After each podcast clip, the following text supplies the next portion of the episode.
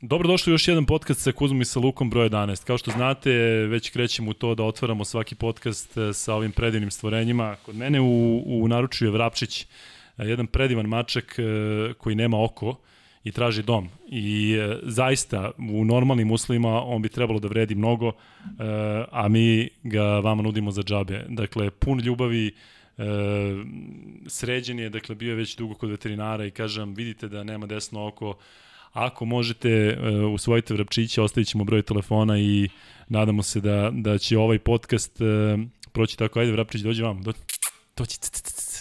Nema sad da ga ne vidite u kadru, ali uh, Vanjel, možda staviš taj kadar da se vidi Vrapčić? Nekako. Evo ga, tu je Vrapčić. Kažem, predivan mačak, predivan poklon, javite se, a sada krećemo sa redovnim delom podcasta. Znaš šta je fazno, što kad ti to udariš, kadar je na meni. A trebalo da je kadar prvo na tebi. Ne treba, treba da bude kadar iznenađenja na tebi. Kadar, izne, pa kadar iznenađenja uvijek je na meni. Kada... Uvijek je na meni, kadar više nije iznenađenja. Elem, e, dakle, sad izvanično počinje e, podcast sa Kuzmom i sa Lukom, broj 11. Stigli smo do 11. broja. Kuzma, da li si ti zadovoljan kako mi ovo radim? Da, i od prvog i preko svih ovih i preko gostiju koji su bili i one koje sam pogledao malo duže, neke, neke potpuno, meni je sve to onako jedna, uh, jedan dobar pravac u kojem idemo i zaista vidim da ljudi reaguju pozitivno na to, tako da sve mi je okej. Okay. Ja nisam nešto zadovoljan, ne? Pa znam, uvijek postoji jedan koji je zadovoljan, sobom koji jesam, nije zadovoljan. Sobom jesam, Da, da, ali sagovornikom nisi. Kuzma, šal na stranu, stvarno, uh, mislim da guramo dobro, da obrađujemo teme koje se nama dopadaju, što ti kažeš tom nekom krugu ljudi se takođe dopada, imaju da čuju više stvari, dakle ne samo ono klot Tako je, da, to, decembar, je, decembar je prošao, ako ne računamo tu jednu nedelju novembra, naših petoro gostiju, ja mislim da su iz manje više svih epoha, da su imali šta da kažu, da smo imali e, povode lepe, lepe trenutke, neka lepa podsjećanja, neke koji su e, tragični i ostavili trag da. na, na mnogima, ali generalno obrađujemo sve ono što košarka je donosila i u prošlosti i donosi i želim da nastavimo u tom smeru i u tom smeru smo i pričali vezano za goste koji su već obećali da će se pojaviti od nove godine, tako da mislim da ćemo proširiti i, i teme i, i broj ljudi koji će gostovati i koji će imati apsolutno šta da kažu. Da, bit će zanimljivo, e, mislim pre svega će biti zanimljivo nama, mislim da je to da, osnova da bi bilo zanimljivo i drugima. Da, znaš kako, ako, ako voliš, ima da, ako voliš svoj posao i tako. uživaš onome što radiš, to je već neki preduslov da da se stvari kotrljaju kako treba. Vidjet ćemo u krajnjem slučaju, uh, kažem, reakcije koje nisu, niti smo želeli da imamo neku preterano veliku publiku, iz prostog razloga što za ovo treba malo odvojiti vremena i moraš da imaš želju da čuješ nešto šta je bilo, ne da pritisneš dugme i da čitaš nešto Naravno. o, o, o savremenoj košarci i o stvarima koje su svuda oko nas. Ovo su neko, neke stvari koje prosto treba znati i mislim da ćemo, kažem, i u nastavku donositi te neke uh, E, interesantne priče ljudi koji su obeležili košarku jer nije nastala 2000-te nego mnogo ranije. Naravno i pokušat ćemo opet da imamo i taj edukativni deo. Čuli ste, nadam se da ste gledali prošli podcast 10. sa doktorom. E, sećate se da smo pričali o Pitu Maroviću, tako da se prisjećamo nekih legendi i nekih neverovatnih e, detalja u vezi njih. E sada, znate verovatno da smo ubacili taj humanitarni deo, dakle ovo je druga emisija kako imamo i taj moment, e, takođe imamo i tu rubriku koju smo ubacili za kraj, anegdota ili topla priča, imaćemo i sad, ali ajde da krenemo redom. Kuzma, naravno, Zvezda i Euroliga prvo. Zvezda, gostovanje na dolu Efesu 84-83, e, kratko ću te zamoliti, dakle, komentar meča sa akcentom na završnici. E, izuzetan meč, e, zaista jedna utakmica koja je pa negde do, do, do petog, šestog minuta drugog poluvremena ili treće četvrtine e, bila potpuna dominacija Zvezde, tada Efes ide na ono da ne sme da izgubi, prosto ne žele da izgube, žele da ostanu u nekom uh, u nekoj seriji pobeda e, počinju da igraju ono što je uvek najrizičnije sa mnogo agresivnosti koja se isplatila. Zvezda u tom trenutku nema mnogo ideje kako, a s druge strane kontrolisati utakmicu sve vreme nije ni to jednostavna stvar za tim koji opet ima skraćenu rotaciju jer opet nisu otišli igrači od kojih mnogo toga zavisi.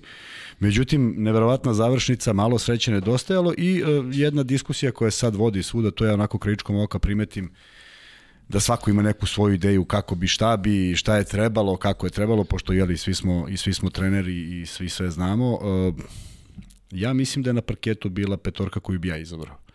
I mnogi moji sagovornici sveta košarke se s tim slažu. I mislim da je loptu dobio čovjek koji je tu utakmicu zaista nosio kao i mnogo mnogo veliki, veliki broj utakmica do sada. I celu sezonu pre. Tako je. I jednostavno na njemu je bilo. I meni čak uh, igrački posle onog umora, posle one četvrtine gde on zaista bio na ivici snaga, gde, gde verovatno da je postojalo vaganje da li ga odmoriti i na koliko, u kom momentu ga odmoriti, jer je svaki taj koš bio vrlo bitan, dakle, ne mislim čak ni, ni, ni, ni nešto loše pod promašenim slobodnim bacima koja se dešavaju, desilo se njemu, desit će se još mnogo puta, ali sve je bilo kako treba. Ono ono što, što, je, što je moglo da, da promeni tok utakmice sa svim ovim što smo videli, I onaj moment kada Zvezda promašuje taj napad pre i lopta se vraća do Kalinića. Samo da je samo da je zadržao, samo da je uradio bilo šta, da je držao 12 sekundi, da da mu je neko prišao pa napravio faul, sve je bilo drugačije osim onoga što je uradio e, e, e, čak čak ta, to izbijanje lopte toliko rizična stvar u savremenoj košaci da sudije mahom isviraju faul, na, faul od odbranbenog igrača, ali prošao je kako je prošao i napravljen je faul u istoj u istom deliću sekunde kada je lopta izgubljena, dakle nije prošao čak ni onih par sekundi da Efes mora dođe do zvezdine polovine i sad kad sabereš samo sekunde koje su mogle da prođu, to daje potpuno drugačiju završnicu do one koje smo gledali i ovo je prva, prvi poraz zvezde u ovoj sezoni da zaista mogu da žale za, za nečim da su imali opipljivu pobedu u rukama, ali to je košarka, dešavalo se, nedugo zatim smo videli završnicu Unix Barcelona, tako da, koja još po, posebno, da posebno da, o tome. I pričat ćemo ne zbog nekih stvari koje su tamo izdešavale. Dakle, uh, jednostavno uh, jako teško je sada vratiti se u neku normalu i reći da ta pobeda nije bila tu. I, i znam koliko je igračima teško i negde vraćao sam, naravno, odmah vraćaš film u svojoj karijeri, srećom imao sam mnogo više takvih pozitivnih završnica nego negativnih, ali zaista znaju da zabole. Međutim, ova sezona je takva da tu sad nema nešto mnogo uh, lamentiranja nad sudbinom, šta se desilo, jednostavno ide se dalje, moraju da zaborave, da veruju da će, da će se to nadoknaditi već koliko protiv Zenita i da, da pokušavaju svaku utakmicu tako da odigraju. Ja, ja znam da postoji veliki broj uh, navijača Zvezde koji su nerazočarani, koji, kojima je žao što je Zvezda izgubila, ali odaju priznanje da, da je to bila jedna utakmica da je zaista bila košarkaška lekcija u mnogim segmentima šampionu Evrope. A šta, to što si krenuo da se priča u krugovima, ili se ljudi slažu da je trebalo da bude ta petorka ili sada ne imaju svoje mišljenje da je treba? Košarkaška, ljudi iz sveta košarke da, mislim prosto sve je bilo. Naravno da uvek ima neko... Ne, nego sam te razumeo sada da, ne, da je nešto, ne, ne, ono je bilo sve, sve očekivano, ništa nije bilo izlazilo iz tako je. nekog I petorka koja je završila i način izvođenja lopte i kome je lopta došla, dakle sve je bilo po, po e, školski što se kaže. E, naravno da je nedostajao e, jedan, jedan moment u, u toj utakmici gde, gde uh, opet izostanak Davidovca čini svoje, tako? Dakle, neko da odmori, neko da rastereti, opet jedan izuzetan Kuzmić u borbi sa najboljim uh, E, centrima koje, koje Evropa ima prema tome. Sve je bilo kako treba do same završnice. I znaš kako to ide. Nekada se, sve se to okreće. Nekada možeš da vratiš nekoliko utakmica unazad ili prošlu sezonu ili onu tamo sezonu. Sve se to nekako uvek dovede u, u stanje jednakosti. Znaš šta je, e, ono što je meni žao, sada govorim, vraćam se na onaj meč sa Barcelonom, možeš li samo da zamisliš da je Zvezda dobila Barcelonu, a mogla je, i da je dobila Efes, što je zaista bilo na taci. Naravno. Sa tim pobedama, ne govorim samo o skoru da, da bi Zvezda imala tada, dev, da bi imala, tako je, pozitivan skor, već možeš li misliti Barcelona, dva, dvoje finaliste. I kažem, sada je samo pitanje da li će ovo kod igrača da izazove dobru pozitivnu reakciju, dakle ove smo bukvalno skoro pa pobedili, izgubili kako smo izgubili, a protiv Barcelona isto jedna lopta. Da li će to nekoga sada da utiče negativno, kao što može, jel onakav meč izgubljen sam znaš da te da te prilično ubije. Ne nisi raspoložen posle onakve utakmice i sad razmišljaš zato što se zna šta se pamti.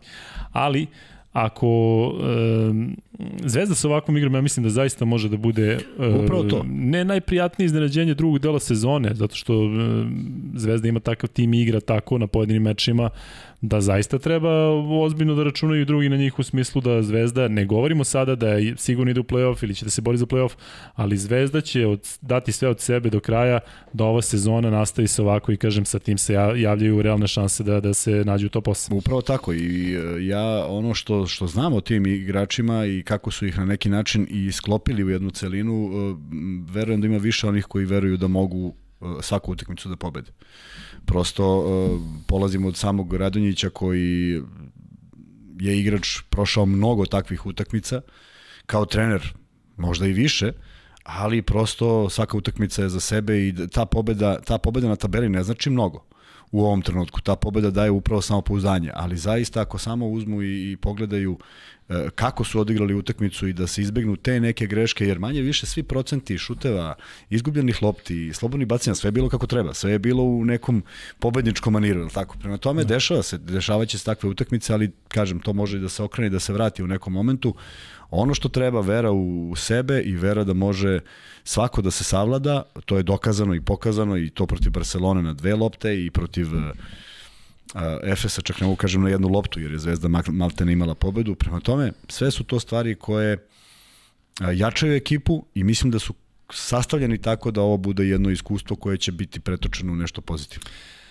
Slušaj tabelu. Barcelona, Real Olimpijakos, Zenit, Armani, Unix, CSKA, Efes. To su timovi koji su... Koji su osam trenutno. Koji su osam. Zaista zvuči nemoguće uzeti mesto nek, nekom od njih. Zato što mi smo govorili u Unixu da bi trebalo u nekom trenutku da padne i opet ćemo da pričamo, kažem još jednom, uh, na, o tom meču protiv Barcelone. Ali, na šta mislim da je dobro za Zvezdu? Zato što timovi koji se bore za osam imaju probleme. Asvel ima ozbiljan problem sa formom, Fenerbahče ozbiljan problem sada bez Veselog i Dekoloa i to verovatno na, na, na duže staze. Oni su tek uhvatili neki ritam i desi im se tako nešto. Makabi tone. Makabi je izgubio juče od Hapola iz Tel Aviva u derbiju, u gradskom derbiju na svom terenu. Kažem ti, dakle, Makabi otprilike liči sad na onaj tim od prošle godine. Dakle, ajde da, da, da ne kažem da ne, da ne treba da se računa njih, ali u ovom, u ovom trenutku nisu neka snaga. Bayern je u problemu tri poraza za redom, Monako sa novim trenerom naravno da može nešto, ali opet Monako ima uh, i gori, gori skor od zvezde, tako da tu ne vidim timove koji sada odjednom mogu da se dignu i da se umešaju. Zvezda mi, hoću da kažem da u drugom delu tabele Zvezda je tu nekako najozbiljniji tim trenutno sa ovakvim Fenerbahčem koji je u problemu sa povredom. Ja mislim da će tu biti uspona i padova još, iz prostog razloga Misliš što... kod svih? Kod svih, pa da. pa da. Pa evo vidiš, ti sad pričaš o Feneru koji je dostigao neku formu pa se dva igrača povrede. Zvezda je tako startovala sezonu, je tako? Dakle, moguće da će Zvezda biti kompletna kada mnogi ne budu. Da. Jednostavno, evo vidimo da je Real otkazan sa Fenerom, je tako, zbog covid -a. Dakle, ko zna kako će sve to se manifestuje, ko zna kako će, ko će u kakvom ritmu biti ko zna ko će profitirati iz takvih utakmica da, jer nezahvalno je prognozirati sada šta, baš zbog to, i pre svega zbog tog kovida. Tako, Evo kažem ti vidiš absolutno. šta je sa Realom, kažem ti oni su čak i protiv CSKA igrali kako su igrali dobili taj meč. Dakle, znaš, sad se mislim da dosta ima sad tog kockanja. Dakle, znaš, ima svega, faktor sreće i ostalo. Da, biće turbulentna sezona do kraja ako se ovo samo ako se ako se bude dešavalo svako kolo, jer prvo nećeš imati kada da odigraš te utakmice da sve bude regularno, Tako. drugo opet mora da postoje neka pravila koje koje će morati da da se da se primene. Treća stvar, jedna ta utakmica videli smo ne znači ne znači ništa se ne desi posle jednog kola pa se sad nešto istumba na ove sve na tabeli sve je to jedan proces koji uh, će iz utakmice u utakmicu donositi te male pomake ali ono što je vrlo bitno da je Zvezda u ovih u ovom prvom delu pokazala da sa svima može da igra i zaista uh, uh, sa tog aspekta ako ako tako budu izlazili i budu kompletni jer zaista mislim da je kraj svim malerima i e, vreme je da bude kraj svim malerima, da pokušaju da urade nešto što nije očekivano, a to je da ostvare mnogo veći broj pobeda u drugom delu. E, ne znam koliko im je potrebno, ali bez plana od 11 pobeda u narednom delu jako teško. E, kad god najavljamo meč Zvezde u Euroligi, uvijek kažemo da je to najbitniji meč i zaista se tako namešta. Ovaj protiv Zenita, stvarno, ako nisam slučajno čitao ovaj gornji deo tabele, dakle, Zenit možda jeste ekipa koju može da juriš, tim što je e, s jedne strane Zvezda pokazala da može da dobije Zenit i to kako, prilično sigurno ubedljivo. Da. sećaš se kako je ona utakmica bila. Kontrola utakmice, cela utakmica. Čak je dozvolila da. sebi Zvezdi poslednjih 5 minuta onako ležernije malo, a opet nije bilo drame. Međutim, Zenit ima skor 11-6, Zenit ima tri pobede za redom i to protiv Makabija, Monaka i Asvela, e, to su timovi iz donjih dela tabele. Vidiš koliko, Zvezda... vidiš koliko se ispostavilo da je taj raspored uh, tako učinio, je, učinio neverovatno. Tako, da. Eto, uh, da u tri utakmice nema niko, niko iz nekog top 5 jel tako, da. u ovog trenutka. Sve timovi koji su, tako da je. kažem, u problemu. Novi trener Monaka, Asvel u lošoj formi, Makabi u katastrofa formi. Upravo to. I sada dolaze u koliko, koliko se, koliko se neke stvari mogu da se promene kada Zvezda bude, ali opet a, računaju se pobede na kraju, je li tako? Tako je, dakle, u kom jedino. God, pa tako je, u kom god sistemu jedino što može da se, da se računa to je da taj odnos pobeda i poraza. Zvezda ih imala možda tu jednu više nego što je mogla dozvoli u ovom prvom delu. Dakle, uz, u, fantastičan rezultat je 9-8, je tako? A 8-9 je nešto što bi vjerojatno svako potpisao i rekao zašto da ne, da, da završe prvi deo sezone sa 8-9 pa da pokušaju nešto u drugom koji će kudi kamo biti lakši. Međutim, moraju do 11 pobeda sad u ovom trenutku ako pričamo o nečemu što nas je učilo iskustvo u prethodnim sezonama koliko će biti potrebno. Možda bude toliko pretumbacija, možda toliko bude uh, timova koji konkurišu za š, od šestog pa naniže, da će možda biti potrebno i manje, ali teško. Hajde malo o Zenitu i o tom meču koji se igra u petak. E, da li treba očekivati nešto slično onoj prvoj utakmici? Ili očekuješ bolji Zenit? Šta očekuješ od Lojda i od Berona koji se vraćaju na mesto gde su gde su realno ostavili zaista dobar utisak tu pre svega mislim na Billy Berona. Oni su podbacili u prvoj Tako utakmici. je. E, da li misliš da. da će da li je da li je realno s igračke strane, da li je dobro da sada dođe da te cela hala pozdravi gromoglasno? Pa da ti onda kao Mirotić kažeš daj da sad ovde ne grizem, ili da te malo nagaze, pa onda ko Lučić da odigra onako, Lučić je odigrao fantastično u atmosferi gde je bilo. Ja ne verujem da se desilo s Mirotićem baš to što, kako si sad to... Ne, ali pazi, on se šalio na taj, na taj, na taj i jeste, jeste igrao ozbiljno, ali Mirotić nije bio na svom nivou, da kažemo. Mirotić je odigrao utakmice koje je sam rešavao. je, on ovde u, u završnici ali... nije, nije loptu dobio koliko sećam, nije imao nešto sada on i prostora. Imao neke razloge zašto nije. Dakle, sve, sve, Tako sve, je, ne, ne, ali kažem ti generalno da li je bolje za igrače kao recimo Voldena, da ga te pozdravi sada cela, cela dvorana, Mislim da 4 sad... minuta pred kraj treba da se završi pozdravljanje. Bela pred početak. To je prosto pozdravljanje je završeno, tako dobio je šta je dobio, dobije plaketu, dobije da. cveće, šta god, pozdraviš ga i onog momenta više nije nema nikakvih simpatija. Ima naravno na, naprotiv, ima sve kontra bez nekog vređanja. Uvijek sam bio protiv vređanja, ali buke koja može da remeti Uh, treba navijači da znaju da buka nekada i znači posticaj, znači neće, neće svaki igrač reagovati podjednako na buku, neki će se potpuno pogubiti, neki će eksplodirati u tom momentu, tako da i to zavisi, to je individualno, ali onog momenta kada počne utakmica prestaju simpatije, to samo igrači koji su bili u Zvezdi, uradili šta su radili, sve to zapisano i stoji, međutim ovo je utakmica koja je život u tom trenutku, a ne, ne neke, neko druženje kasnije. E poziv za navijače da zaista atmosfera bude kao protiv Barcelona i Bayern zato što je sada možda to i najpotrebnije. Ja mislim da hoće iz prostog razloga što je ovo sad već ozbiljno, ozbiljan niz utakmica u kojima Zvezda igra jako dobro. Dakle, ako su mogli da prigovore negde u nekom momentu da nešto nije funkcionisalo, toga sada nema. Njihova smirenost, njihovo, njihovo jedinstvo, koji je uvek potenciran kao jedan od preduslova. Mislim, uh, može da se smeni trener uh, Monaka, tako, ali će James biti James. James i njegov karakter će biti to što jeste. Tako. Prema tome, neka, neka Obradović pokuša se bori s njim i sve ostalo. Vidjet ćemo ko će na kraju da pobedi, ali u vremenu smo kada je trener zaista u problemu ako nema kontrolu nad takvim igračem. A, opet živimo u podneblju gde je apsolutno poverenje tradicionalno godinama, decenijama bilo u trenera. Trener je bio sve i sja, više nije u savremenoj košarci. jedini koji vjerojatno ne mora brine za, svoj, za svoje mesto je Asfel, je tako? Trener Asfela ne mora brine za svoje mesto, može da gubi, da pobeđuje. Češ da objasniš zašto, možda neko ne, ne zna zašto. Neka, pa imaju jedan... Jedno, Objasniću ja posle. Ti objasni. da. Tako da ovi svi ostali moraju da budu u problemu. Nije Trinkeriju prijatno ova tri poraza koja dolaze zaista u jednom teškom momentu, s obzirom da je Bayern krenuo jako dobro sezonu i u jednom trenutku bio među četiri ekipe. Prema to je svako tu ima neki svoj problem. Uh, uh, ali uh, hemija igrača, odnos igrača je nešto što je za mene uvek bilo uh, na prvom mestu. Drugo je poverenje u trenera, da kad on nešto kaže ti zaista veruješ u to.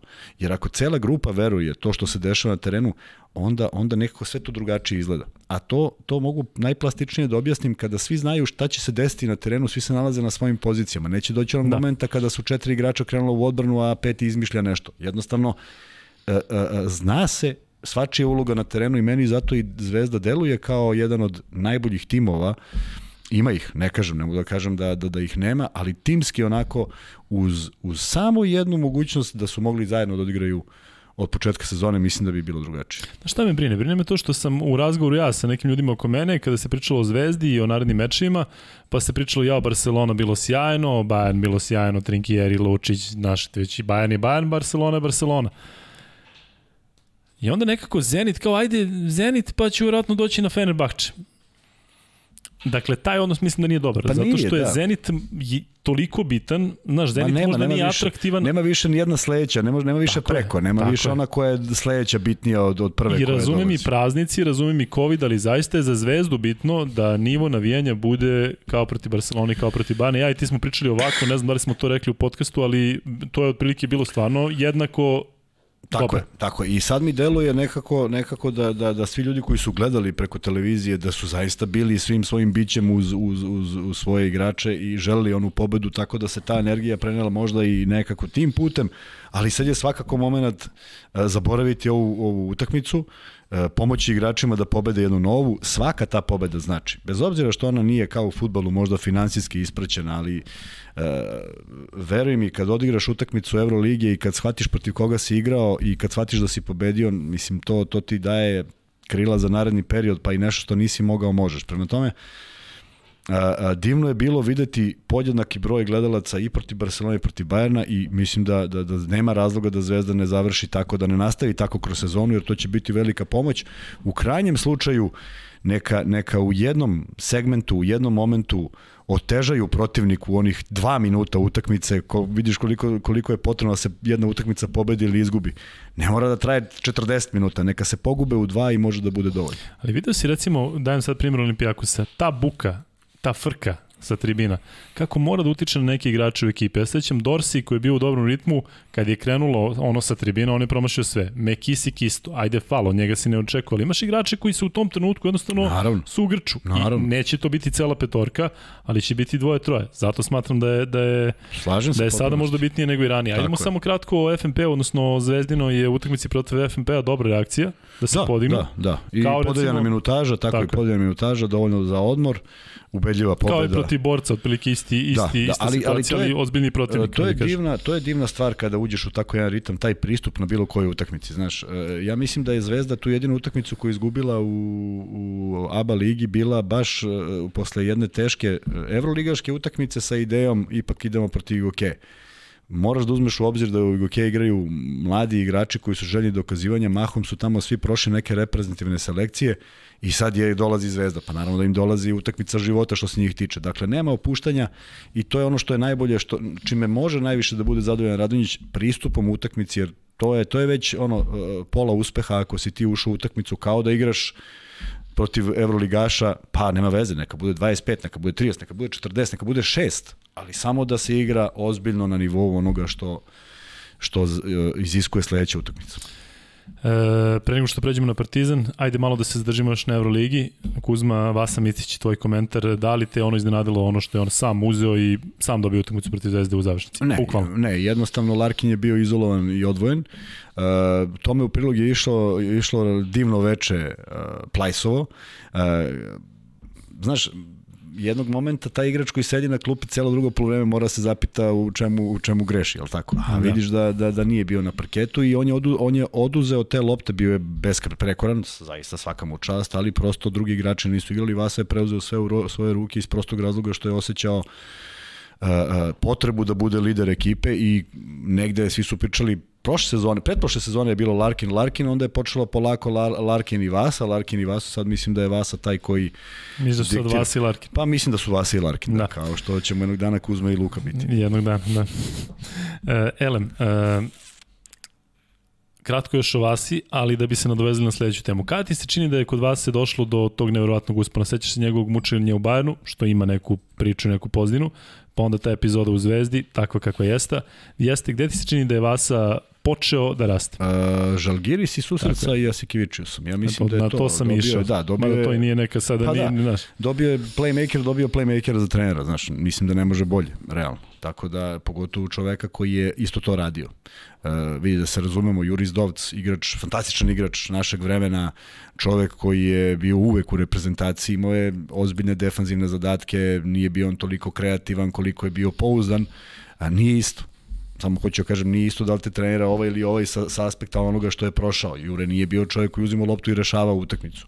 Jasikevičius jeste. I onda kad ti on usadi neke stvari i počneš da veruješ u to i pokaže ti da možeš da grešiš koliko god hoćeš, ti samo treba budeš malo pametniji pa da ne preteraš u greškama, je tako? Znači, svako će grešiti do određenog momenta kad to postane rutina. Vasa nije postigao koš u prvom polovremenu, onda je nanizao sve ono u drugom kažem, e, mnogi, mnogo reakcija na to što je on uradio, čovjek je profesionalac i ja, ja kada, bi, kada, kada, kada gledam takve igrače koji predstavljaju našu reprezentaciju i košarku, srpsku, ja ne bih volio da ih vidim u drugačijem izdanju. Ne, bih ne misliš da, da ljudi negativno reaguju? Pa reagovali su ne negativno, nego što je morao da da, mislim gluposti. Pa dobro, ali i sada objektivno gledano i košarkaški ono zavređuje poštovanje. Pa kako ne, tako? pa upravo pa to je pa zato, poštovanje prema ekipi tako, protivničkoj, tako ćeš da igraš. Tako je, pa u krajnjem slučaju pričali smo za Mirotića, pa mene bi razočaralo da. kad ne bi grizao, da, tako? Mene, da. ja bi se šokirao kad bi neki igrač došao i rekao je sad mi je sve jedno. To onda nije profesionalac tako i... Je. I ne znaš kada će opet, tako, tako da je, sutra... Tako je, tako je.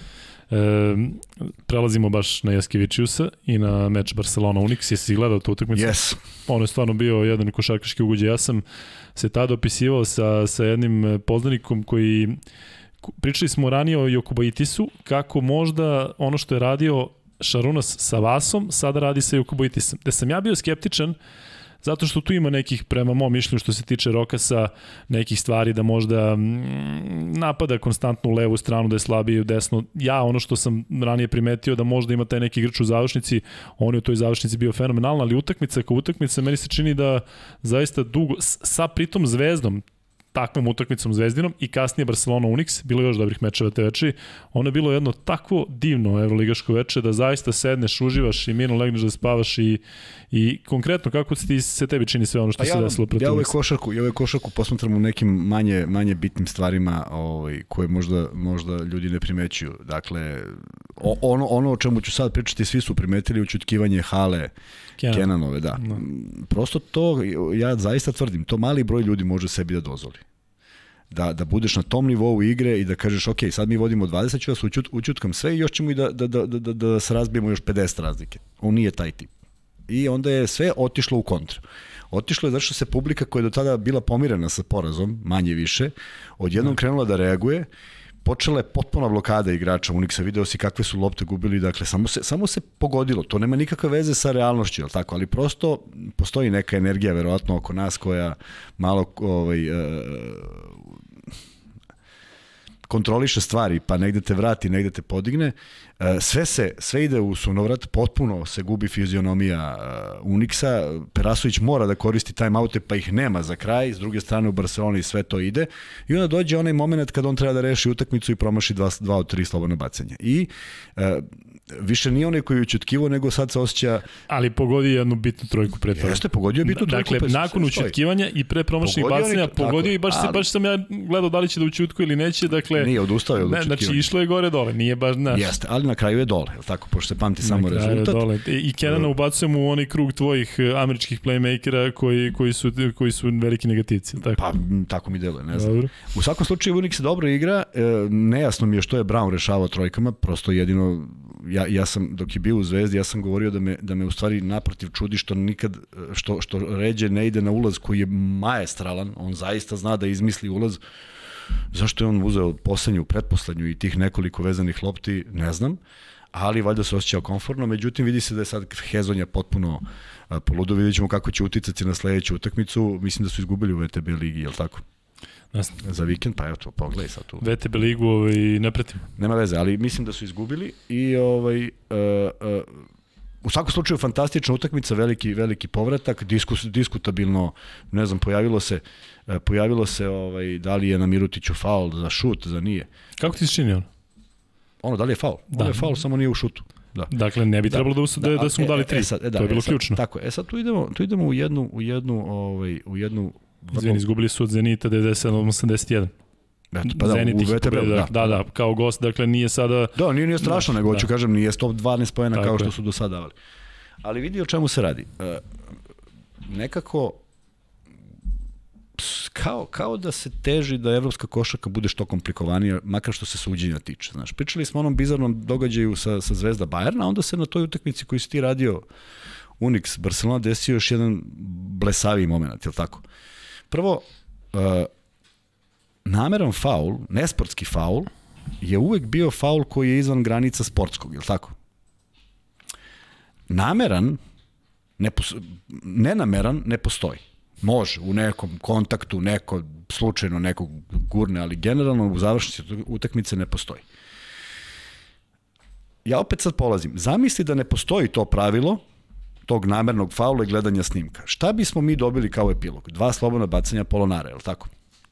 I sada ja te pitam, pošto si čovjek koji radi košarku mnogo i mnogo košarke gledaš, u kom toj, kojoj toj situaciji se ta, to pravilo pokazalo kao fenomenalno?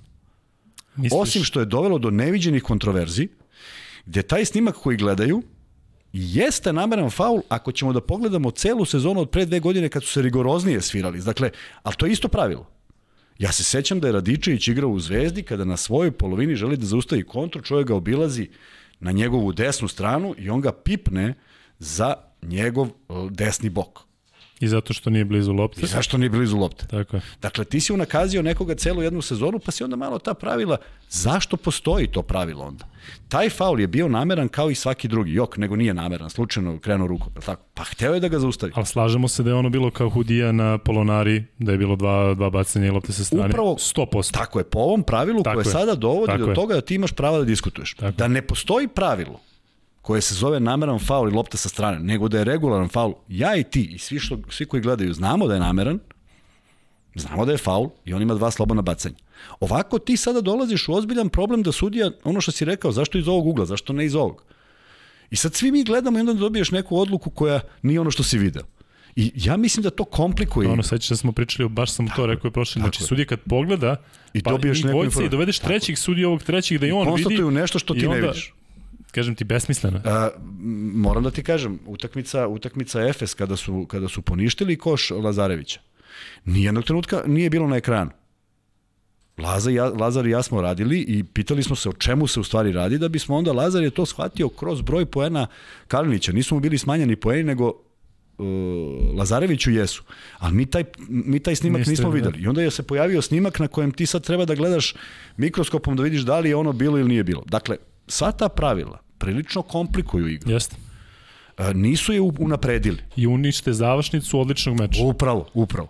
E, sad, e, samo mala digresija, svojevremeno kada, kada gledaš NBA pa ti ništa nije bilo jasno što se suđenja tiče, neke stvari su bile mnogo drugačije u evropskoj košarci, e, Igora Kokoškova pitam, da li si ikad razgovarao sa sudijama, kako to izgleda? Kaže, ej, kaže, nećeš verovati, kaže, pitao sam i mnogo je jednostavno. I sad pazi kako razmišlja prosečni sudija iz NBA ligi.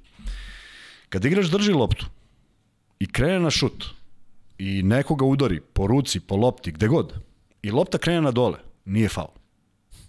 Ako lopta krene na gore, onda je faul, što je sasvim logika, fizika, tako. Znači, ako te neko udario po ruci, tebi će lopta otići gore, ako je udario i po prstu i po lopti, ona mora da ide dole. I oni gledaju da ide lopta. I ne bave se time da li, su, da li je čuo, da li je malo glasnije udario, da li će ja pogleda snimak, koči igru. A ne donosi ništa. Da. Jer ova odluka, ako nije nameran faul, onda je potpuno, potpuno sve to, sve to bilo, ja bi ukinuo to pravilo iskreno, da imam neku moć, ja bih rekao više ne postoji. Svaki. Ne postoji šta? Ne postoji mogućnost da dobiješ loptu sa strane kao nameran faul, on već postoji. Imaš prava za nesportski, znači da je sada Polonara krenuo, a ovaj uzo dakle, i zavalio ga. Dakle, govoriš da ono pre 3-4 godine kada su sada promenili kriterijum to da se da se izbriše tako. tako Ranije nameran, tako nameran. Da, nameran, nameran, pao si mu na glavu i udario tako, ga pesnicom, da, da. to naravno, mislim, čak, čak dešavalo se paradoksalno, dešava se da nekad neko to tako jako zamane da napravi faul, promaši i nikom ništa, a to je samo sticaj okolnosti što je čovjek promerio loptu, da. tako? Prema tome, e, e, sve to ne doprinosi gledljivosti košarke, jer ja kad vidim sudije kad počnu da gledaju onaj snimak, to, to, ja ne znam kako igrači, vjerojatno se ohlade dobro da. i ne znaju ni koji rezultat, ni čije. Stres, ozbiljan stres jest, za sve. Pa jest. A kažem, ne don, da je ta odluka donela nešto i unapredila, pa kažeš važi. Ali ni. Ali konkretno tu utakmicu bukvalno su rešili. Da je rešili po ovom, tako je, po ovom kriterijumu tako rešili. Je, tako je. I Tako. možda čak i fen, sezonu Fenerbahča, kažem je. ti gurnuli ovako. Zato i kažem, zamisli da ga nema. Ne može Đorđević ništa da prigovori, nema ko šta bi više da se čovek nisi pobegao, uspeo da napravi faul, što je nekada i bilo sasvim dozvoljeno. Da. Nije povlačenje, nije ništa iza leđa, jednostavno je prošao i napravio faul. E, prelazimo na Partizan. Partizan izgubio od lokomotive Kubanj. Da li treba da brine navijači Partizana i generalno one sve koji prate košaku to što Partizan zaista u poslednje vreme prima ogroman broj pa? To je, to je najveći problem, da. Naprimjer, jedna divna stvar koja se pojavljuje već četvrtu, petu utakmicu je Gregor Glas. Dečko koji sigurno nije slučajno ubačen u ekipu onako iznenada, pojavio se na, na, na, u predsezoni Očigledno da je Obradović kao neko ko, ko, ko zna zašto i kako da je tu procenio da je to prava stvar. Uh, vidim da ima slobodu u igri što se vidi po velikom broju šuteva, ali i doprinosi apsolutno u svim segmentima. Međutim, zaista jeste za jednu tako brzu ekipu zabrinjavajuće da primaju uh, veliki broj poena. I to ne od početka sezone, nego unazad nekih 6-7 utakmica kao da se da se odbrana, da li su stegnuti, da li su da li razmišljaju i su više jer jer i odbrana nema ne sme mnogo da se razmišlja u smislu biti u, pod pritiskom. Moraš da znaš neka pravila koja važe, zato što ako ih analiziramo sve igrače Partizana po nosu, prvo ih krasi neverovatna brzina, je li tako? Jedan od preduslova je da budeš brz. Ako si brzi u odbrani, valjda je logičnije da istigneš neke stvari pre nego, pre nego da nemaš taj kvalitet. Prema tome, uh, unazad nekoliko utakmica, veliki broj poena, veliki broj poena i postižu. Jeste. U korektnim procentima. Izvini, 101-94 da. je bilo Lokomotiva Kuven Partizan, dakle da. nisu izgubili 20 razlike, tako nego jednostavno da, da. meč tako, tako ali očigledno to u nekim, tako protiv nekih ekipa Partizanu ne odgovara. Tako i tu mora bude 2-3 minuta neke čvrste odbrane, ne 40 minuta, pogotovo što protiv Lokomotive Kubanj koju ne možeš da skautiraš. Ja mislim da ono što oni igraju Jeste. ne znaju ni oni, da, realno. A, potpuno su iznenađenje iza sebe, kad, kad uzmu šut ti se najmanje nadaš da će to da bude, tako da vrlo su nepredvidivi, e, ali onda, onda sve to baziraš na tome da li će oni da pogode. To već su pogodili sve unazad nekoliko utakmica i nisu bili toliko raspoloženi, ali prosto tako se otvorilo. A, sad već tu postoji onako jedna, jedna uh, jedan broj igrača Partizana na koje će Željko Obradović bacati akcenat sve više, dakle oni koji mogu da iznesu, govorim naravno o Lideju, govorim o Smajlagiću, govorim o Avramoviću koji, koji uh, mi se čini da iz utakmice utakmice počinje da, da sve više upija ono što mu Obradović verovatno od početka govori i onda će biti jedan onaj, ne mogu kažem zaokret, ali će morati i Partizan da se svede na osam igrača, onih koji, koji, koji čine taj neku, tu neku srž, i, jer još uvek se, još uvek se traže. Evo, Glas je momak koji ima dvocifren učinak na svakoj utakmici. To govori o njegovom kvalitetu, o njegovoj spremnosti, o njegovom uh, manjku nekog mentalnog uh, zadrške, šta sada. Da, neke blokade, blokade da sme da dakle, da šutne ili ne sme. Dakle, ako mu je trener rekao, da, to je da. jako dobra stvar i to će, i kažem, Partizan uz sve ovo igra, igra napadački jako dobro. Uh, Obradović želi tako da igraju očigledno, znači na, na nekom tom brzom nivou, ali prosto, kako bih rekao, mnogo je poena za jednu utakmicu, ne možeš da postigneš to 7, mislim možeš, ali to su redki momenti uz neke savršene procente, tako da e, to je, to je i najveća, najveća e, falinka u ovom trenutku, iako generalno gledajući Partizan i u Evrokupu, Uh, bez obzira na taj poraz u Kubanju stoji, stoji onako kako, kako su verovatno i zamislili, možda čak i za nijansu bolje.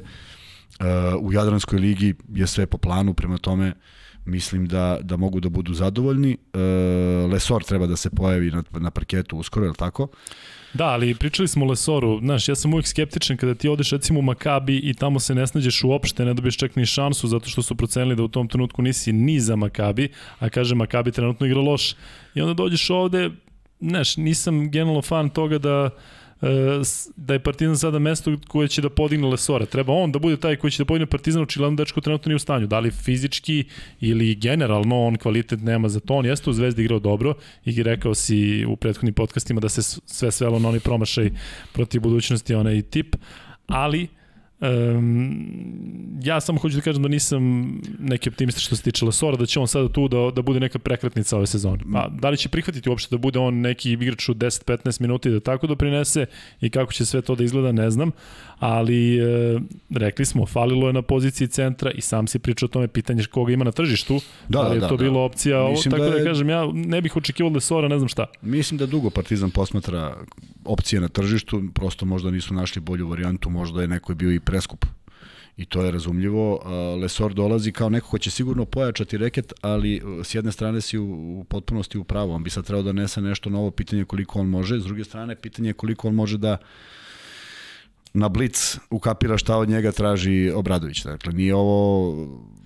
Da, treba će vreme. Treba će vreme. Međutim, pričaš sa mnom koji nisam pristalica dovođenja bilo koga, bilo kada, znaš, jer sam tako, tako, tako smo igrali. Nas, nas je, bilo, pa nas je bilo 12 i čekaš da ti se čovjek vrati u formu da bi mu pomogao. Mu pomažeš na svaki mogući način, pa i kad treba i kad ne treba, ne bili ne bi li se vratio u život. E, sada je to malo drugačije.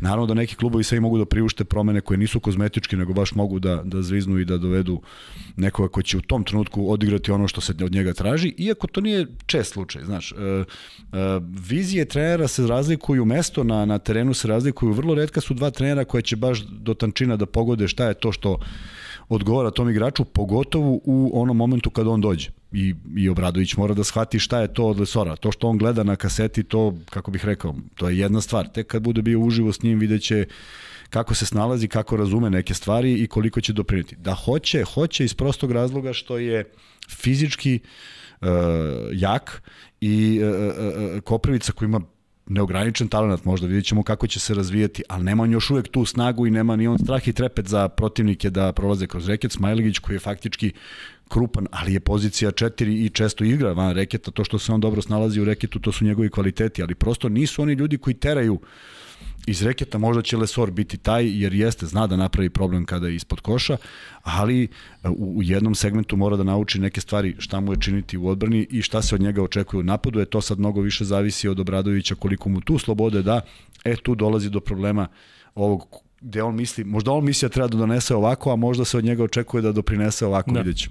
Znaš šta, generalno iz Makabija, koliko pamtim, nikada nije izašao iz, nijedan igrač koji je iz Makabija otišao negde i onda pravio nešto dobro. Obično je drugačije, dakle oni pronađu nekoga ili u Izraelskoj ligi ili tako vide nekoga osete koga mogu da plate i onda u Makabiju i oni odskoče. A da iz Makabija neko ode negde, ja pokušam da se setim i da sad odjednom ono poravi svoju karijeru odlaskom iz Makabija, to kažem ni, nisam nešto baš uh, upamtio slučajeve. Vratit ću se još jednom samo na meč e, Kubanj Partizan što se tiče statistike, ono što si ti malo rekao da je primio 101 poen, ali sve vreme je Partizan primao poene u kontinuitetu. Po četvrtinama je to bilo 22 u prvoj primjenih, 23 u drugoj, 25 u trećoj, 31 u četvrtoj. Dakle, nije bilo četvrtine gde je Partizan primio 14 poena, pa, pa kaže šta da. si, tad si ih spustio, nego su ovi imali ritam Tako sve vreme i samo su ga I u četvrtoj kada je u stvari najvažnije. Zato kažem, tu je, tu je dva minuta potrebno. Ne moraš 40, da. ali ta dva mora da postoji razlika, mora da postoji spremnost, mora da, mora da postoji i u odbrani, mora postoji neka sloboda, kad kažem sloboda, da se znaju tačno pravila, ali da to radiš, da ne budeš u grču, jer u grču se kasni, u grču zaboravljaš neke stvari ako si pod pritiskom. Vrlo je moguće da i dalje igrači ne da trpe pritisak, ne mislim da ga trpe, mislim da ga osjećaju, zato što, zato što je mnogo informacija. Uh, sad jedna potpuna digresija, potpuno idem u jednu u drugu krajnost, ali zbog čega ti ovo pričam? Uh, Pokojni Nemanja Danilović, momak s kojim sam ja igrao u BFC-u koji je stradao kao trener Novog Sada, kada je nanizao 5-6 uspeha, da li je to prva B liga ili bila prva, zaista ne znam, ili bila KLS. Ja sam ga nazvao sav uzbuđen što neko moj, neki moj drug pravi, eto, sa jednim skromnim timom. Pitao Nije sam, bila prva B, sigurno. Onda je prva, možda čak i prva, možda Novi da. Sad bio u prvoj. I, i, I pitao sam, kako, šta, jel govoriš ono sve što smo mi radili? On kaže, 10% govorimo od toga. Znači, govorimo o jednom Mute Nikoliću u svoje vreme koji je imao plan A, plan B. Dakle, Muta kakav god daje. On nije bio čovjek koji nije znao šta se dešava na terenu ili da izađemo na teren da ne znamo kako ćemo protiv ovoga ili da nismo skautirali onoga ili da ne postoji prosto jedna ozbiljna strategija. Tako smo i trenirali. E, sad on je preneo na svoje momke koji su ipak skromnijeg kvaliteta u tom trenutku 10% onoga što smo mi radili. Da li je mogo 90? Pa verovatno nije. Kaže, pokušao sam, prosto ne može, moram da. prvo. E, ovde dolazimo do toga da imaju trenera koji, koji, koji verovatno kad izda nešto kao tako treba, on verovatno i pomisli da mnogi tačno znaju šta on misli, možda da. ne znaju svi i, i koliko treba upoznavanja i to je to je isto trenerska priča, koliko treba upoznavanja sa igrača prema trenera prema igračima, toliko igrača prema treneru, da se tačno zna šta i kako. Ne možemo da pričamo o meču Partizan Mega zato što se igra u vreme kada se pušta ovaj naš podcast, da. tako da ne znamo, možemo da najavimo nešto ili da nešto prognoziramo, ali mislim da nema potreba, ali možemo da pričamo o onome što čeka Partizan početkom naredne godine. Dakle, to su prvo dva meča e, protiv Zadra i protiv Splita. E sada te dve utakmice konkretno, ne mislim da se bavimo E, tim timovima, već mislim da nije loše da Partizan odigra dve utakmice obe kod kuće, Zadar pa Split, protivnici koje realno treba da pobediš. Iako je došao ovaj Thompson, Trevor Thompson je došao u Zadar koji je tamo potpuno nešto izmenio ovaj, konfiguraciju ekipe. E sad, e, te dve utakmice treba da se dobiju. I onda imamo pauzu do Trenta, protiv e, Trenta Partizan igra u Beogradu 12. januara. Ono što hoću da kažem je da Partizan 15. igra protiv studentskog centra, dakle Partizan ne znam da li će dobiti neki dan sad slobodno za novu godinu i sve, ali Partizan je naredne tri nedelje u Beogradu, mogu da se fokusiraju, nema putovanja, nema problema i mislim da je to ključno za njih Absolutno. kao neka baza da se ko, konkretno okrenu samo košaci, dakle ništa s polja, ne moramo sada da idemo, sećaš se Andora, ono put, e, dakle boli glava, da, pa nema, puteš nema, vamo, Kubanj, odnosno Krasnodar. E, Sve je završeno strane, što s njih tiče i potpuno mogu da budu mirni. I sad dolazi taj moment, e, tu, tu sada ono što, što, što navijači Partizana su očekivali možda i ranije. Postoje taj jedan moment u ovoj sezoni Ipak je Evrokup krenuo malo kasnije, ipak je ekipa bila na okupu i ipak je bio jedan raspored koji je bio prilično dobar. Ovo se sad uklapa u taj dobar raspored opet. Dolazi novi igrač koji treba da se uigra, to su utakmice u kojima možeš da ga uigraš, ali E, reakcija Obradovića na sledeću utakmicu onda mora da bude drugačija. Onda igrači moraju da urade to što se od njih traži. Zato što mislim da se ponavljaju iste stvari. I to je ono što trenera ubija kažem, ne znam tačno da li su to, ne mogu da znam konkretno, ali znam iz svog iskustva šta, kada trener reaguje, kako reaguje, zbog čega. Zato što ako nešto sto puta kaže, a i sto prvi put se pojavi, onda ne, nešto je, neki problem postoji, je li tako? E, dovoljno vremena da isprave, dovoljno vremena da se spreme, ja mislim da su apsolutni favoriti protiv Trenta, inače smatram da italijanska košarka negde davno otišla u jednom neobičnom pravcu iz kojeg teško da imaju povratak, meni to tako deluje. Nije to tako loše u smislu bolje nego što je recimo bilo pre nekoliko godina, ili dalje su oni, kažem ti, imaju ograničene budžete, a sa tim budžetom mislim da dobro rade. Sada na ovom nivou, ne računići Armani kako? Virtus, da. kažem ti, opet, e, naš... Taj trend njih... to je do, do pre dve godine bio, ono, samo da, da, da učestvuje, je tako? Znači nije da. bilo baš mnogo nekih stvari koje su dešavale i onda opet imaš ograničen broj imena u italijanskoj košaci zato što opet se vratimo u jednu prošlost kada smo igrali taj kup Koraća pa smo igrali baš protiv italijanskih klubova, sedam američkih igrača je tada bilo dozvoljeno. Uh, Italijani su sami sebi pucali u nogu, uništili su sve svoje igrače, onda se dešio nevjerojatan paradoks na tržištu.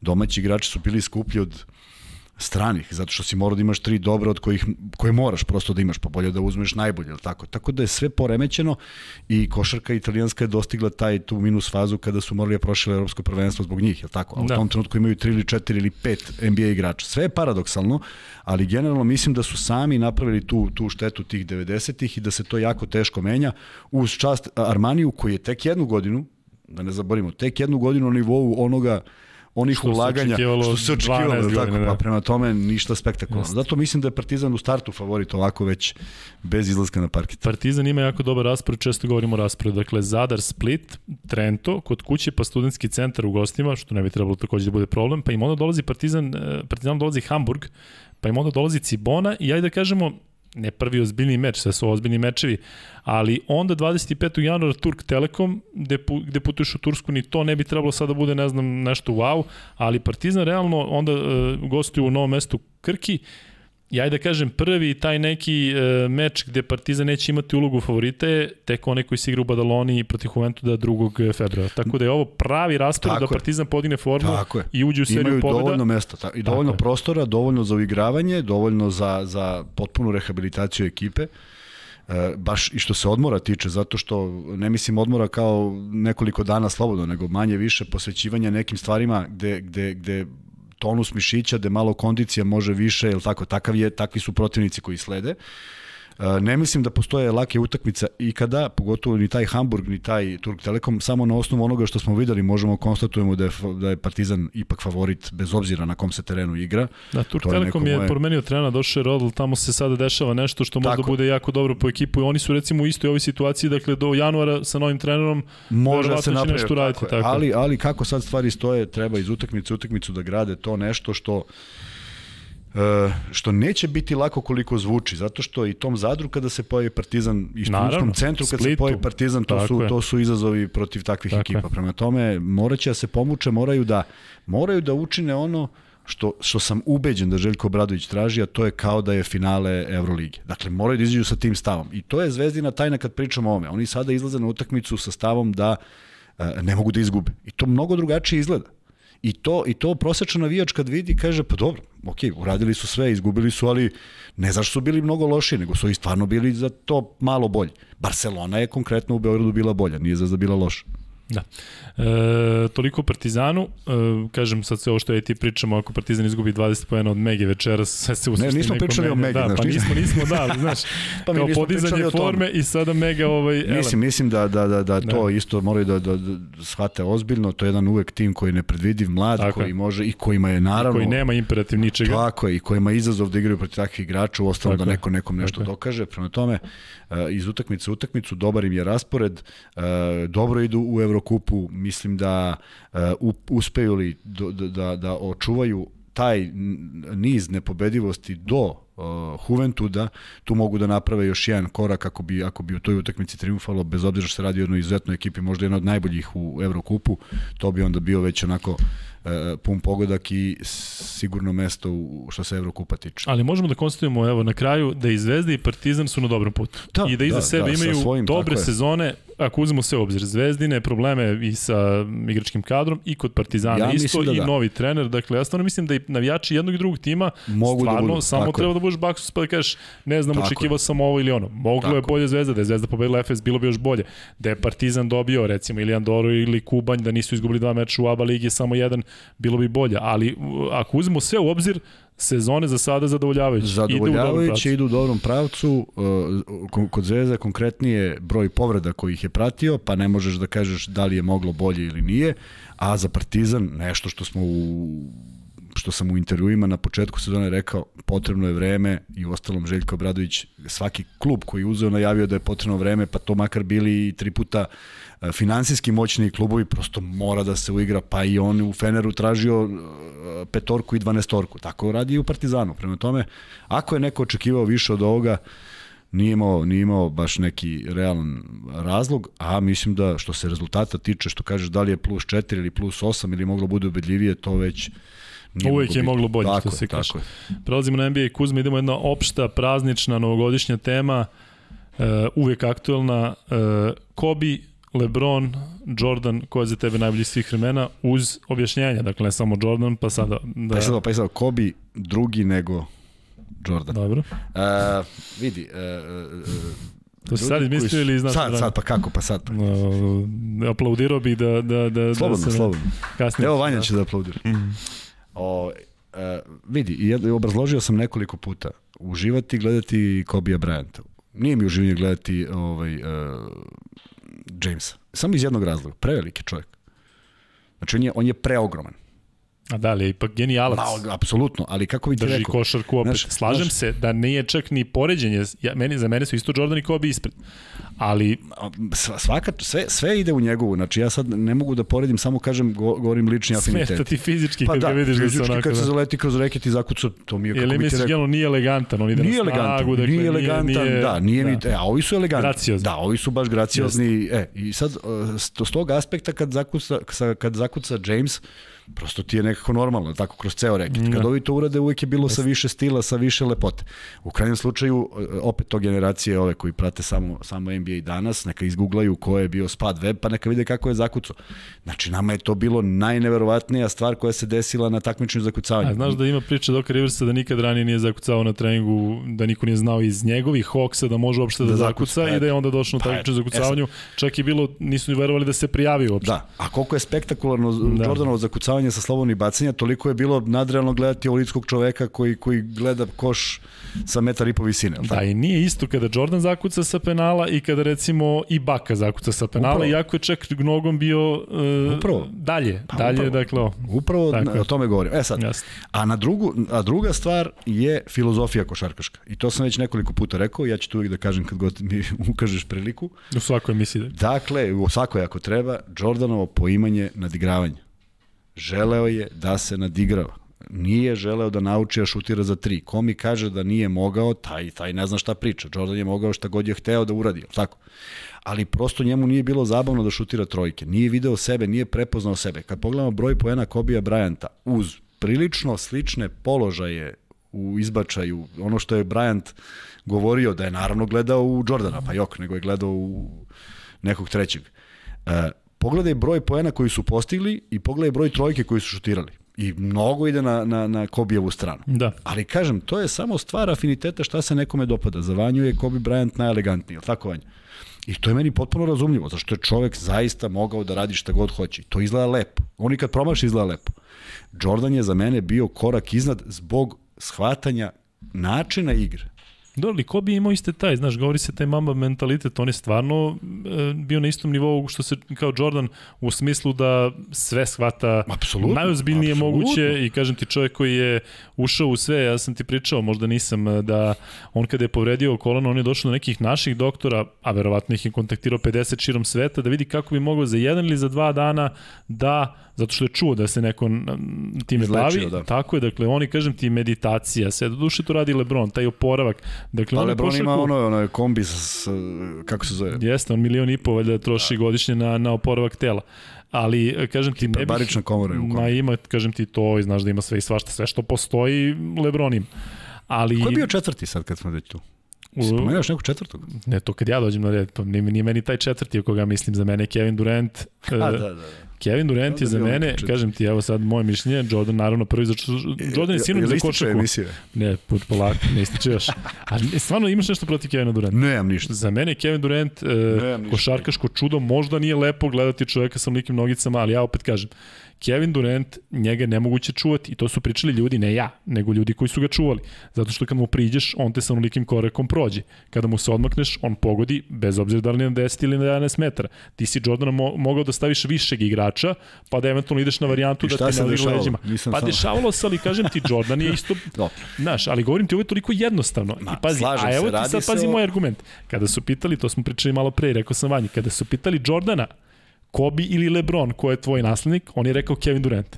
I onda posle toga se nasmejao koliko je bio ozbiljan, još pazi, pre 10 godina, kada je davao neki intervju.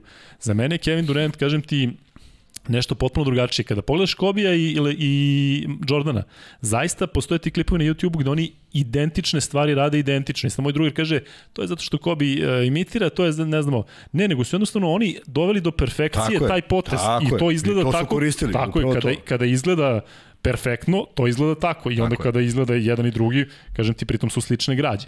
Ali e, Lebron jeste ovakav kakav jeste i kažem ti, sila je u košarci.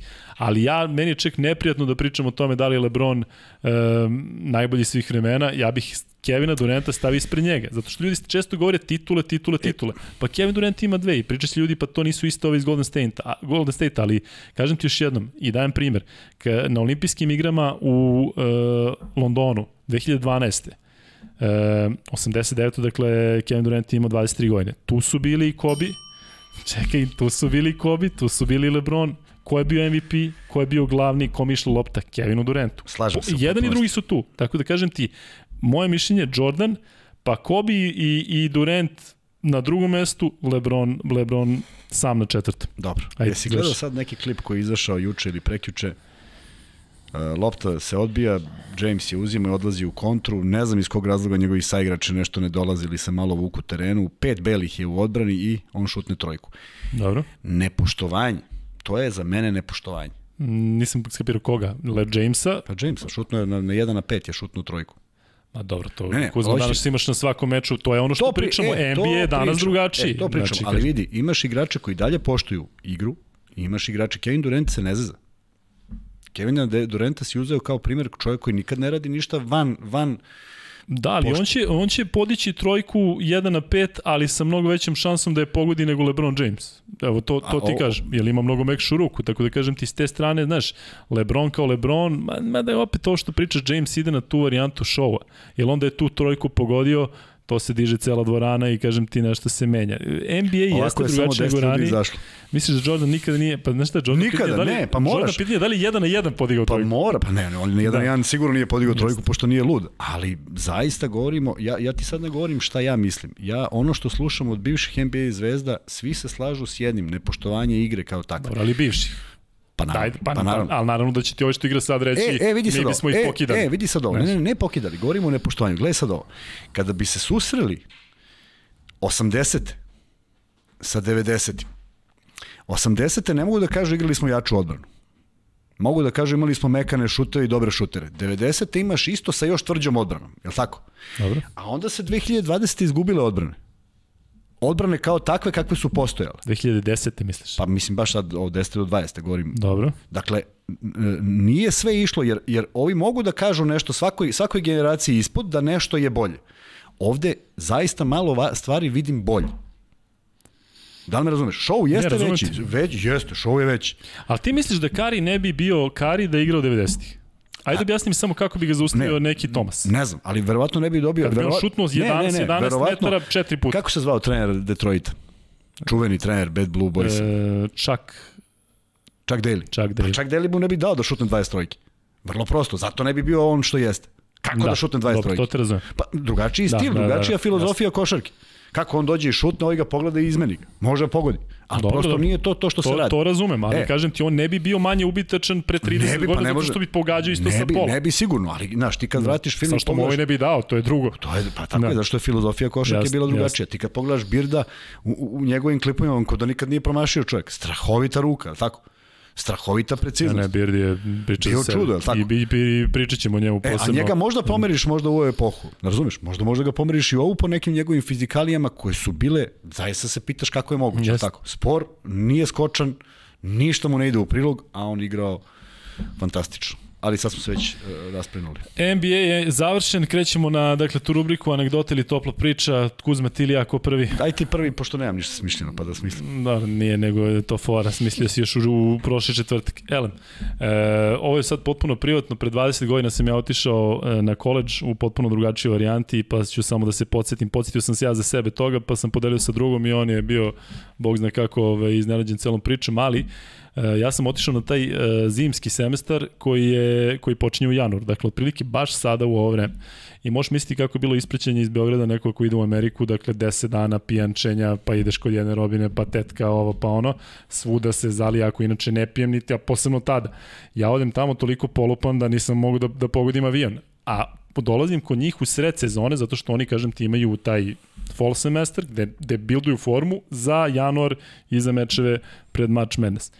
Spring Hill College, ja odavde krenuo 25. decembra, ovde možeš misliti kako je bilo vreme, sneg preko glave, idemo u Alabamu, u grad Mobil, dočekuje me, ja kažem ti, Dux, rolka, jakna, dočekuje me ovaj dečko na, na kapitan ekipe, dočekuje me na aerodromu u potkušelji, onoj dugačkoj i onom dugačkom šorcu, tamo 23 stepena.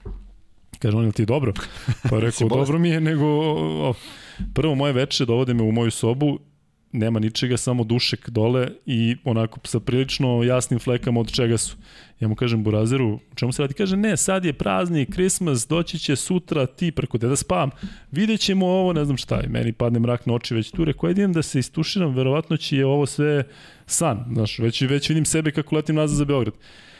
Tuševi su bili u zajedno, svi smo imali kao svaku svoju sobu sa lavabom i nekom kuhinjicom, ali su tuševi bili na, na spratu zajednički za nas kao košarkaše. Ulazim ti ja u tuš kabinu, moraš da ukucaš koja će ti biti temperatura vode u Fahrenheitima. Ja ne znam koliko bi stavio sebi u Celzijusima. I ja ti pritisnem ono... 100, onaj, šta te ma ne, pritisnem nešto, ošuji me vrelo, izletim napolje pa hladno.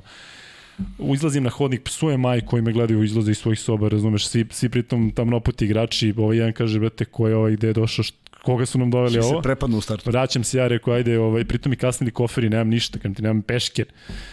E, ulazi pored mene lik Derek Kibler, fenomenalan, kasnije moj drugar, ali to tad se nismo znali, znali smo se na zdravo zdravo. Ulazi on u, u, u tuš kabinu pored i sad ja čujem kod njega šš, počinje tuširanje sve. I sad ja u nameri da vidim šta je čovjek pritisao, dolazim lagano i sve laganije iza njega i u jednom trenutku stajem bukvalno iza njega i čovjek koji se okreće To je baš meni, topla priča, je, baš to, pa, pravo. ne, najtoplija zašto je topla voda bila. Lepo, dobro, dobro si ulet. Pa nisam I da, on da u tom pravcu da, idemo. ne, i, ovaj, i možeš misliti moj njegov taj prvi susret, elem on mi ono pokaže, ja izađem i odem oko od ovog burazera sa, sa potkušeljim, reku, slušaj, vozi me negde da kupim jastuk i organ, ne moram da spavam negde. I on u tom trenutku ovaj, kaže, ajde idemo u Walmart i kaže, ostanite u Walmartu, ja ću doći, idem s nešto s devojkom, pa dolazim za sat, sat i po. Ja odem i kupim jastuke i banane, jer sam bio gladan i što nisam jeo posle ovog aviona. I izlazim napolje i sad čekam njega, ne znam ni kada dolazi, nemam sat, ne znam ni koliko je sati, ništa ne znam i čekam ja ispred i sada već je bilo 12, 1 noću, neka ne mrkli mrak, prolaze tri automobila, možeš misliti u Alabami, po šest crnaca unutra, kažem ti ono, kajle, zubi, sve, a ja jedem banane i držim one jastuke i sad ja, meni je interesantno, to se viđa na rap spotovima. I sad mašem ovim bananama ovaj, i zaustavljaju se automobili. I izlazi njih, iz ono klovnu i kad izlazi njih, 30 izlazi. Jedan drži nešto, treći ovo, ne znam šta. Ja kažem u sebi, držim one banane i dalje mlatim bananom. I kažem, da li je moguće da ću ja da završim ovde u mobilu u Alabama i Walmartu da će da me išibaju sada? I u sreće ovaj dolazi negde se pojavi moj, ne, ne, ni on, on je budala iz Jugoslavije, ne zna šta radi, da je, da je lud. I ovaj i vratim se u ovaj u sobu, kažem ti stavim ono sa... banane. Ne, ja sam ih ovaj bila je pauza. Bila je pauza i pazio sam gde ih jedem. Elem, ovaj, 3-4 dana posle sve se izravnulo sa tim svim drugarima sam bio ovaj, super, kasnije sve išlo kako treba, ali kažem, setio sam se ja kako to izgledalo pre 20 godina, tako da eto, to je moja priča za danas, Kuzma, daj da čujemo tvoj. Ajde, jedna anegdota, prošla mi kroz glavu. Malo ljudi zna, a da nisu živeli dole u Crnoj Gori i da nisu dolazili na utakmicu Lovćen budućnost, kako to izgleda. Dakle, sve što znate o Čačak Zvezda, Čačak Partizan, pada u vodu kada, kada u momentu političke konotacije koja je tada bila liberala sa Cetinja dolazi Podgorička budućnost. Znači, ja mislim da 2500 možda stane u dvoranu, mislim da ih ima 4000. Čita folklor, uvreda, svega što uz to ide. Na terenu na zagrevanju je crnogorska zastava u tom trenutku, pa ne smeš da je zgaziš dok je ne sklone i tako dalje, ali sve to pričam nama, nama potpuno, kako bih rekao, prihvatljivo. Znamo gde idemo, ali imamo Jeroma Jamesa koji je tek došao u ekipu i naravno da mu ništa nije jasno, ni te buke, ni bilo čega. I sad spremamo se da izađemo, on onako gleda malo zbunjen i okrenemo se prema njemu i kažemo, James, ti kad budeš izašao, možda jedini nećeš dobiti uvrede. I ti kad budeš izašao, pozdravi ih na jedan određeni način. I izlazimo na teren, četiri, Pajević, pet, ne, četiri ko je bio, Šćepanović, Pajević, Galama, ma ne možeš da shvatiš, 16, Jerome James izlazi, tajac. I Jerome James ovako. Pozdrav liberala sa Cetinje. Kad, je, kad su nastale ovacije, kad njemu ništa nije bilo jasno, ali je počeo da se smeje, mi smo naravno ovaj, nastavili mi da se smemo. Jer je Dobio potpuno... otkaz posle u budućnosti. Ma kakvi, ma pa to je sve bilo samo da se malo smiri, smire strasti, ovaj, ali eto, jedan čovjek, a kako je tebi bilo u Alabami, eto kako je njemu bilo na Cetinji, mo, Cetinji možete da, da pričate dogodovšte. Pazi što je najgore isto pre 20. godina i u otprilike isto vreme. Bio je, bio je i u Danilovgradu, ušao je da, u halu, da, sviđa. ušao je u molim, halu. Molim te do detalja. Do detalja. Ušao je u halu, u hali je bilo, pošto je bio kup Crne Gore, to je neki novembar, decembar, u hali je bilo za nijansu hladnije nego na polju. Hala se nije gledala, grejala, jer tada nije bilo ni ekipe u Danilovgradu on je pitao ovde igramo, mi smo rekli da, a oni će zagrejati, mi smo se nasmejali. I onda smo se išli do, do slačionica i sad stvarno ne preterujem, kogod je bio u tom periodu zna. To je jedna prostorija 2 metra širine. Treba da budu zakačaljke zakucane za daske koje su u visini čela, je tako? E, ima dasak, ali nema ni jedna zakačaljka i nema klupa. I slivnik je na sredini i mala bara jedna onako tu oko slivnika, vidi se da je malo oprana. On je provirio tu i nestao. I mi smo se svi spremili za utakmicu, nismo znali da je James, našli smo ga u kancelariji nekoj, pored termoakumulacijone peći, pokriven kapuljačom i izgovara sledeću rečenicu. A nekad sam se žalio što nije bilo čistih peškira u slačionici Atlante. Tako da je naučio jednu dobru lekciju, ne verujem da se više bunio nama ostao u sećanju kao prvi stranac, ja mislim da je prvi, da, prvi s kojim smo igrali, 2.16, atipičan Amerikanac u smislu visine, jedino za njega i za Šekila su se pravili određeni broj, određen broj patika, napravio je čak i dobru karijeru kada se vratio u NBA, Seattle i New York. U Evropi, da, u Evropi ništa posebno, bio je baš onako malo zbunjen dolaskom i svim, ali... Nije se vraćao na leto u Podgoricu i Crnogoru Danilovgrad da se pristi, nije? Nije, nije. Možda će na dana dođe. Da. Kuzma, hvala. E, bilo je danas e, meni možda prijatnije nego ikad, ne znam da li ima veze sa, sa, sa nekim praznovanjem. Tako je, to je, to je bilo uvertira, ali ili imaš nešto za kraj? Nemam, žurim. Žuriša. Mi se vidimo već e, u subotu, već u subotu, dakle na narodnom podcastu. Nadam se da bi ovo bilo ok to je bio dakle 11. podcast. Vidite da usvojite vrapčiće i to e, je što čekaj da poželimo srećnu novu godinu, pa nećemo se vidjeti. Viš da radimo u subotu. Nećemo se vidjeti. Nećemo Srećna se nova godina svima, vidite kako Kuzma prati pa, to. Pa ne, da snimat ćemo tu negde oko nove godine. Imaćemo kapice i pevaćemo. Srećna nova godina. Poželit ćemo vam je i kada se vidimo sledeći put. Toliko za sada i pozdrav od Kuzmi Luke.